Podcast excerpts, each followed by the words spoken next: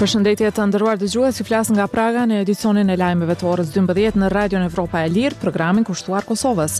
Në 15 minutat vijues ju shoqërojnë producenti Mahir Elshani dhe unë Krenare Cubolli. Fillimisht ju njoh me titujt kryesorë. Qeveria po fsheh të vërtetën për raportet me Shtetet e Bashkuara, vlerësojnë njohësit e çështjeve politike në Kosovë. Familja e kritikut të ndjerë të Kremlinit Alexei Navalnyt vazhdon të kërkojë trupin e tij, autoritetet ruse refuzojnë kërkesën. Izraeli vendos ultimatum për ofenzivën tokësore në jug të Gazës. Për këto dhe materiale të tjera, vazhdoni të qëndroni me ne. Radio Evropa e Lirë, burimi juaj i informimit. Familja dhe mbështetësit e Alexei Navalnyt kanë vazhduar të kërkojnë qasje për të marrë trupin e kritikut të ndjerë të Kremlinit, teksa vazhdojnë të arrestohen ata që bëjnë homazhe për të. Autoritetet ruse kanë thënë më gjashtëmbëdhjetë shkurt se ai ka vdekur në një burg në Arktik. Familja e Navalnyt dhe ndihmësit e tij të ngushtë kanë konfirmuar vdekjen e tij në burg dhe kanë kërkuar që t'u dorëzohet trupi Mirëpo autoritetet e kanë refuzuar kërkesën dhe u kanë thënë avokatëve dhe nënës së tij që hetimet për shkakun e vdekjes do të përfundojnë brenda javës. Faqja Mediazona ka raportuar dje që në kamerat afër burgut të ashpër të Arktikut, të quajtur Ujku Polar, janë parë katër makina që besohet se e kanë bartur trupin e Navalnyt. Një tjetër gazetë, Novaja, ka raportuar, duke u bazuar në disa burime anonime, se në trupin e Navalnit janë parë shenja të mavijosjes, mirëpo këto raportime nuk janë identifikuar në mënyrë të pavarur. Perëndimi e ka dënuar presidentin rus Vladimir Putin dhe administratën e tij për vdekjen e kritikut të Kremlinit, derisa presidenti amerikan Joe Biden ka thënë se nuk ka dyshim që Putini duhet fajësuar për vdekjen e Navalnyt. Në materialin vijues ju sjellim një vështrim rreth asaj se çfarë mund të ndryshojë e çfarë jo vdekja e Navalnyt në Rusi dhe përtej. E dëgjojmë bashkë. Për më tepër se një dekadë, e sidomos që nga burgosja e tij më shumë se tre vjet më parë, Alexei Navalny ishte një faktor i rëndësishëm për politikën e Kremlinit, një kundërshtar i pa kompromis, vizioni i të cilit ishte një Rusi ndryshe nga ajo që udhëheq sot Vladimir Putin. Vdekja e tij ndodhi në kohë kur kjo Rusi vazhdon të transformohet në një vend ku zërat e pavarur nuk tolerohen dhe zgjedhjet kontrollohen rreptë për të mbajtur larg çdo alternativë tjetër. Për më tepër, Rusia, tash e dy vjet, është e angazhuar në pushtimin e plotë të Ukrainës. Tani, me vdekjen e kritikut më të zëshëm të Kremlinit, A do të ndryshojë ndonjë gjë prej këtyre dhe, nëse po, në çfarë mënyre? Gjëja e parë që duhet shikuar, është fushata për zgjedhjet presidenciale të pesëmbëdhjetë dhe shtatëmbëdhjetë marsit, tashmë vetëm një muaj larg. Marrë parasysh kontrollin e ngushtë të shtetit mbi politikën dhe mediat, Putin sigurisht se do të fitojë, por analistët thonë se Kremlini dëshiron që ai të fitojë me një diferencë që u tregon rusëve dhe botës se nuk ka alternativë. Kjo doli në pah kur Boris Nadezhdin, i vetmi kandidat i mundshëm, i cili është kundër luftës në Ukrainë, u ndalua të marrë pjesë në zgjedhje këtë muaj. Autoritetet e morën vendimin pasi një numër i madh i rusëve gjetkë u pa duke mbledhur nënshkrime për kandidaturën e tij. Putini dhe Kremlini mund të jenë trembur se ai mund të merrte një numër të konsiderueshëm votash. Navalny, të cilit iu ndalua të sfidonte Putinin në zgjedhjet e fundit, më dy mijë e tetëmbëdhjetë, shprehu mbështetje për një iniciativë që u bën thirrje rusëve të paraqiten në qendrat e tyre të votimit në ora dymbëdhjetë, në ditën e zgjedhjeve të ardhshme. Protesta u kodua si Mesdita kundër Putinit.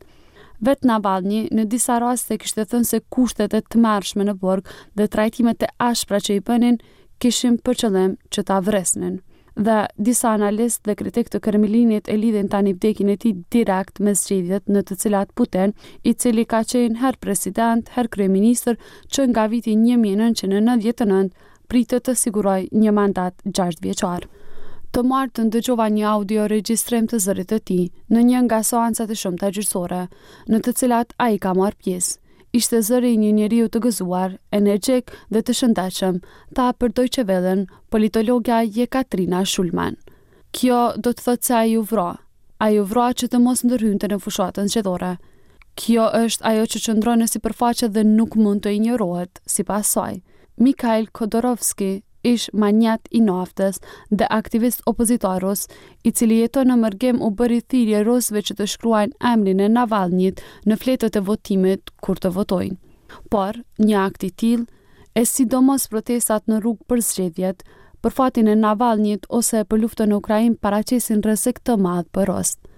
Në njërën anë, njerëzit tani do të kenë më pak dëshirë për të votuar për Putinin, Në anën tjetër, veprimi aktiv kundër zgjedhjeve do të bëhet edhe më i frikshëm, shkroi analisti politik Abas Galljemov në Telegram.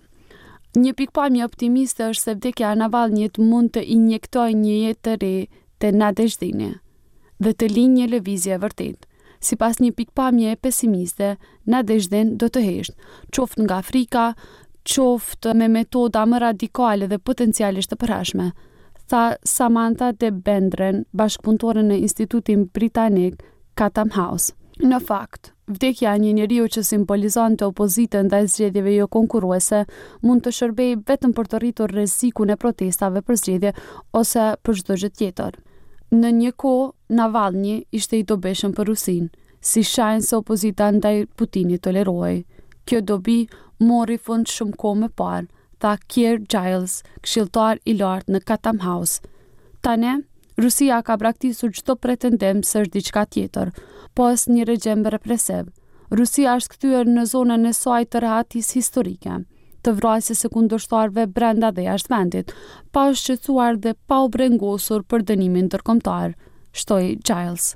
Navalny u bë zë kritik i luftës së Rusisë në Ukrainë, dhe vdekja e tij duket se nuk ka gjasa të ketë ndonjë efekt në ndjekjen e qëllimeve të Kremlinit atje. Por, jehona jashtë vendit mund të luajë rol të madh në vazhdimin e mbështetjes perëndimore për mbrojtjen e Ukrainës. Cilido qoftë shkaku i vdekjes së Navalnyt, ai përbën një sfidë për Putinin dhe shtetin, sipas Tatyana Stanovayas, eksperte për Kremlinin dhe analiste në Qendrën Carnegie. Navalny ishte një figurë e rëndësishme dhe historike, që mishëronte një qëndrim të palëkundur politik kundër Putinit dhe përfaqësonte alternativën më të rëndësishme ndaj regjimit të Putinit. Fama e tij e pakrahasueshme, rëndësia që kishte tek elitat dhe përfshirja në politikën e brendshme e dalluan atë nga çdo figurë tjetër opozitare, shkroi ajo në X. Dhe kjo krijon një problem të madh politik për regjimin. Atij do t'i duhej të merret me trashëgiminë e Navalnyt. sipas saj. Por, mënyra se si Kremlini do të përpiqet të trajtojë këtë sfidë, nuk është e vështirë të parashikohet, shtoi ajo. Nuk kam dyshim se shumë shpejt do të jemi dëshmitarë të një vale të madhe represionesh e bastisjesh, tha Stanovaja. Vëzhgues të shumtë thanë se, pa marrë parasysh nëse vdekja e Navalnyt do të sjellë ndonjë ndryshim ose jo, ajo është një nga shenjat, më të errëta të një kohe të errët, Navalny po luftonte për një Rusi të bukur të së ardhmes dhe u dërmua nga Rusia e tmerrshme e së shkuarës dhe tashmes. Një e ardhme për këtë Rusi ekziston vetëm për një njeri, Putinin, tha Alena Epifanova nga Këshilli Gjerman për Marrëdhënie me Jashtë. Ai është gati të vrasë këdo që i dalë në rrugë. sot e dëshmoi sërish. Radio Evropa e Lirë është media e pavarur amerikane e themeluar nga Kongresi i Shteteve të Bashkuara të Amerikës. Misioni ynë është promovimi i vlerave dhe institucioneve demokratike.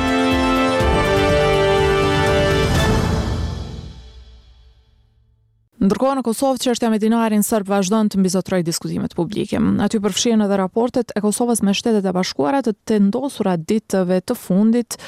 Kolegu Bekim Bislimi ka biseduar me analistë të çështjeve politike dhe opozitën se si i shohin qëndrimet e qeverisë karshi kërkesave të SHBA-së. Materiali në vijim na sjell më shumë hollësi. Rreziku i prishjes së partneritetit mes Kosovës dhe Shteteve të Bashkuara të Amerikës shqetëson një pjesë të opinionit publik që marrëdhëniet mes dy vendeve i konsideron si ekzistenciale.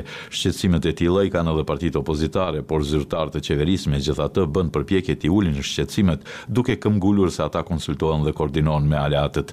Reagimet kanë pasuar deklaratat e ndihmësit të sekretarit amerikan të Shtetit James O'Brien, i cili tha se Shtetet e Bashkuara janë shumë të shqetësuara me vendimin e Qeverisë së Kosovës për të mos lejuar përdorimin e dinarit serb në Kosovë.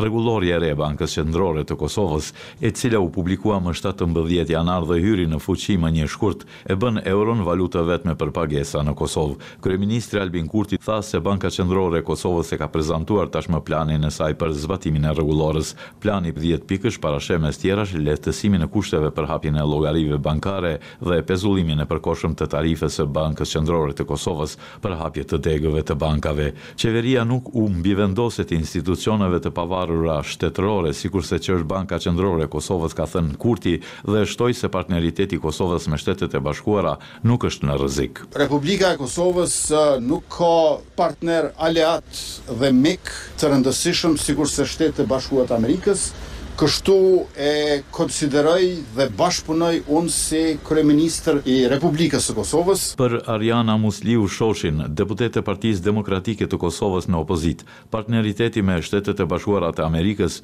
nuk bën të lëkundet assesi. Sepse vetëm në partneritet me Shtetet e Bashkuara të Amerikës ne mund të arrijmë të fuqizojmë subjektivitetin ndërkombëtar po edhe politikën e brendshme. Musliu Shoshi shton se askush prej aleatëve të Kosovës, përfshirë Shtetet e Bashkuara të Amerikës, nuk kanë deklaruar se Kosova nuk ka të drejtë të marrë vendime që janë në përputhje me ligjin, porse për të gjetur zbatim, ato duhet të jenë të koordinuara me aleatët. Avdullah Hoti nga Lidhja Demokratike e Kosovës, po ashtu në opozitë, tha se deklarimet e ndihmësit të Sekretarit amerikan të Shtetit, O'Brien, duhet të merren me shumë shqetësim. Marrëdhëniet e Kosovës me Shtetet e Bashkuara të Amerikës janë ekzistenciale. Kush nuk e kupton këtë, nuk e meriton të jetë në krye të institucioneve, shkroi Hoti në një postim në Facebook. Se Kosova duhet të ruajë marrëdhëniet me Shtetet e Bashkuara të Amerikës, këmbgul edhe deputetja tjetër e opozitës, Time Kadrijaj nga Aleanca për Ardhmërinë e Kosovës. Kërkojmë që të gjitha veprimet për shkak të situatës së ndjeshme të jenë në harmoni me aleatët tanë ndërkombëtarë. Derisa përfaqësuesit e opozitës nuk e thonë në mënyrë të drejtpërdrejtë nëse qeveria duhet ta tërheqë vendimin ose jo, disa analistë janë më të prerë, Qeveria e Kosovës duhet të reflektojë dhe të tërhiqet nga vendimi për ndalimin e dinarit, thotë Agon Maliqi për Radion Evropa e Lirë. Mund të jetë problematikë së brendshmi politikisht Për sa për ta arsyetuar këtë gjë, por me vullnet politik ka hapësirë për tërheqje nga ky vendim. David Kanin, profesor i studimeve evropiane në Universitetin Johns Hopkins në Uashington, nuk e përjashton mundësinë që Shtetet e Bashkuara të Amerikës të vendosin sanksione kundër Kosovës, por ai thekson se Shtetet e Bashkuara nuk do të shkojnë aq larg dhe thjesht ta ndërpresin marrëdhënien me Kosovën. The Americans do not want Kurti to do things that stir up trouble in a region that the West really wants to stay quiet Amerikanët nuk duan që Kurti të bëjë gjëra që nxisin bela në një rajon, që Perëndimi e do vërtet të qetë, derisa merret me gjithçka tjetër që po ndodh në botë, thotë Kanin për Radion Evropa e Lirë nga Prishtina, Bekim Bislimi.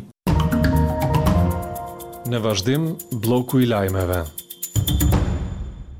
Edicionin do ta vazhdojmë me zhvillimet në botë. Kryeministri izraelit Benjamin Netanyahu i ka hedhur poshtë sërish thirrjet për të ndalur ofensivën ushtarake në Gazë, duke u zotuar për siç ka thënë ai, të përfundojë punën. Ndërkohë, një anëtar i kabinetit të tij ka kërcënuar me pushtim të qytetit jugor të Gazës, Rafah, nëse pengjet e mbetura izraelite në duar të Hamasit nuk lirohen deri në nisjen e muajit të shenjtë të Ramazanit. Hamas, grup palestinez që udhëheq Gazën, është shpallur organizatë terroriste prej Shteteve të Bashkuara dhe Bashkimit Evropian. Shtetet e Bashkuara, aleatët kryesorë të Izraelit, janë duke shpresuar ende në arritje të armëpushimit dhe marrëveshje për pengjet dhe janë në kërkim të një zgjedhjeje më të madhe për luftën e nxitur prej Hamasit për shkak të sulmeve që ka kryer në tokën izraelite më 7 tetor të vitit të kaluar. Izraeli në anën tjetër ka treguar qartë se kundërshton thirrjet e SHBA-së për gjetur një zgjidhje me dy shtete Ani pse edhe një pjesë e mirë e komunitetit ndërkombëtar mbështet një shtet të pavarur palestinez. Secilën herë e më shumë banorët e Gjermanisë janë duke punuar deri në moshën 67 vjeçare, kanë treguar disa të dhëna qeveritare. Mosha standarde e pensionimit për ata që kanë lindur pas vitit 1964 është 67 vjeçare. Pensionimi i parakohshëm mund të zbatohet prej moshës gjashtëdhjetë e tre vjeçare me zvogëlim të përfitimeve. Të dhënat zyrtare tregojnë se numri i personave në grupmoshat gjashtëdhjetë e tre dhe gjashtëdhjetë e shtatë vjeç janë ende në punë është rritur ndjeshëm, prej një pikë tridhjetë e një milion në një pikë gjashtëdhjetë e shtatë milion vitin e kaluar. Debati për pensionet është aktualizuar për shkak të rritjes së numrit të njerëzve që janë në kohën e pensionimit në Gjermani dhe mungesës së punëtorëve në anën tjetër. Disa sindikata të punëtorëve dhe politikanë të krahut të majtë janë duke kundërshtuar rritjen e moshës së pensionimit në shtatëdhjetë vjeç. Radio Evropa e Lirë, burimi juaj i informimit.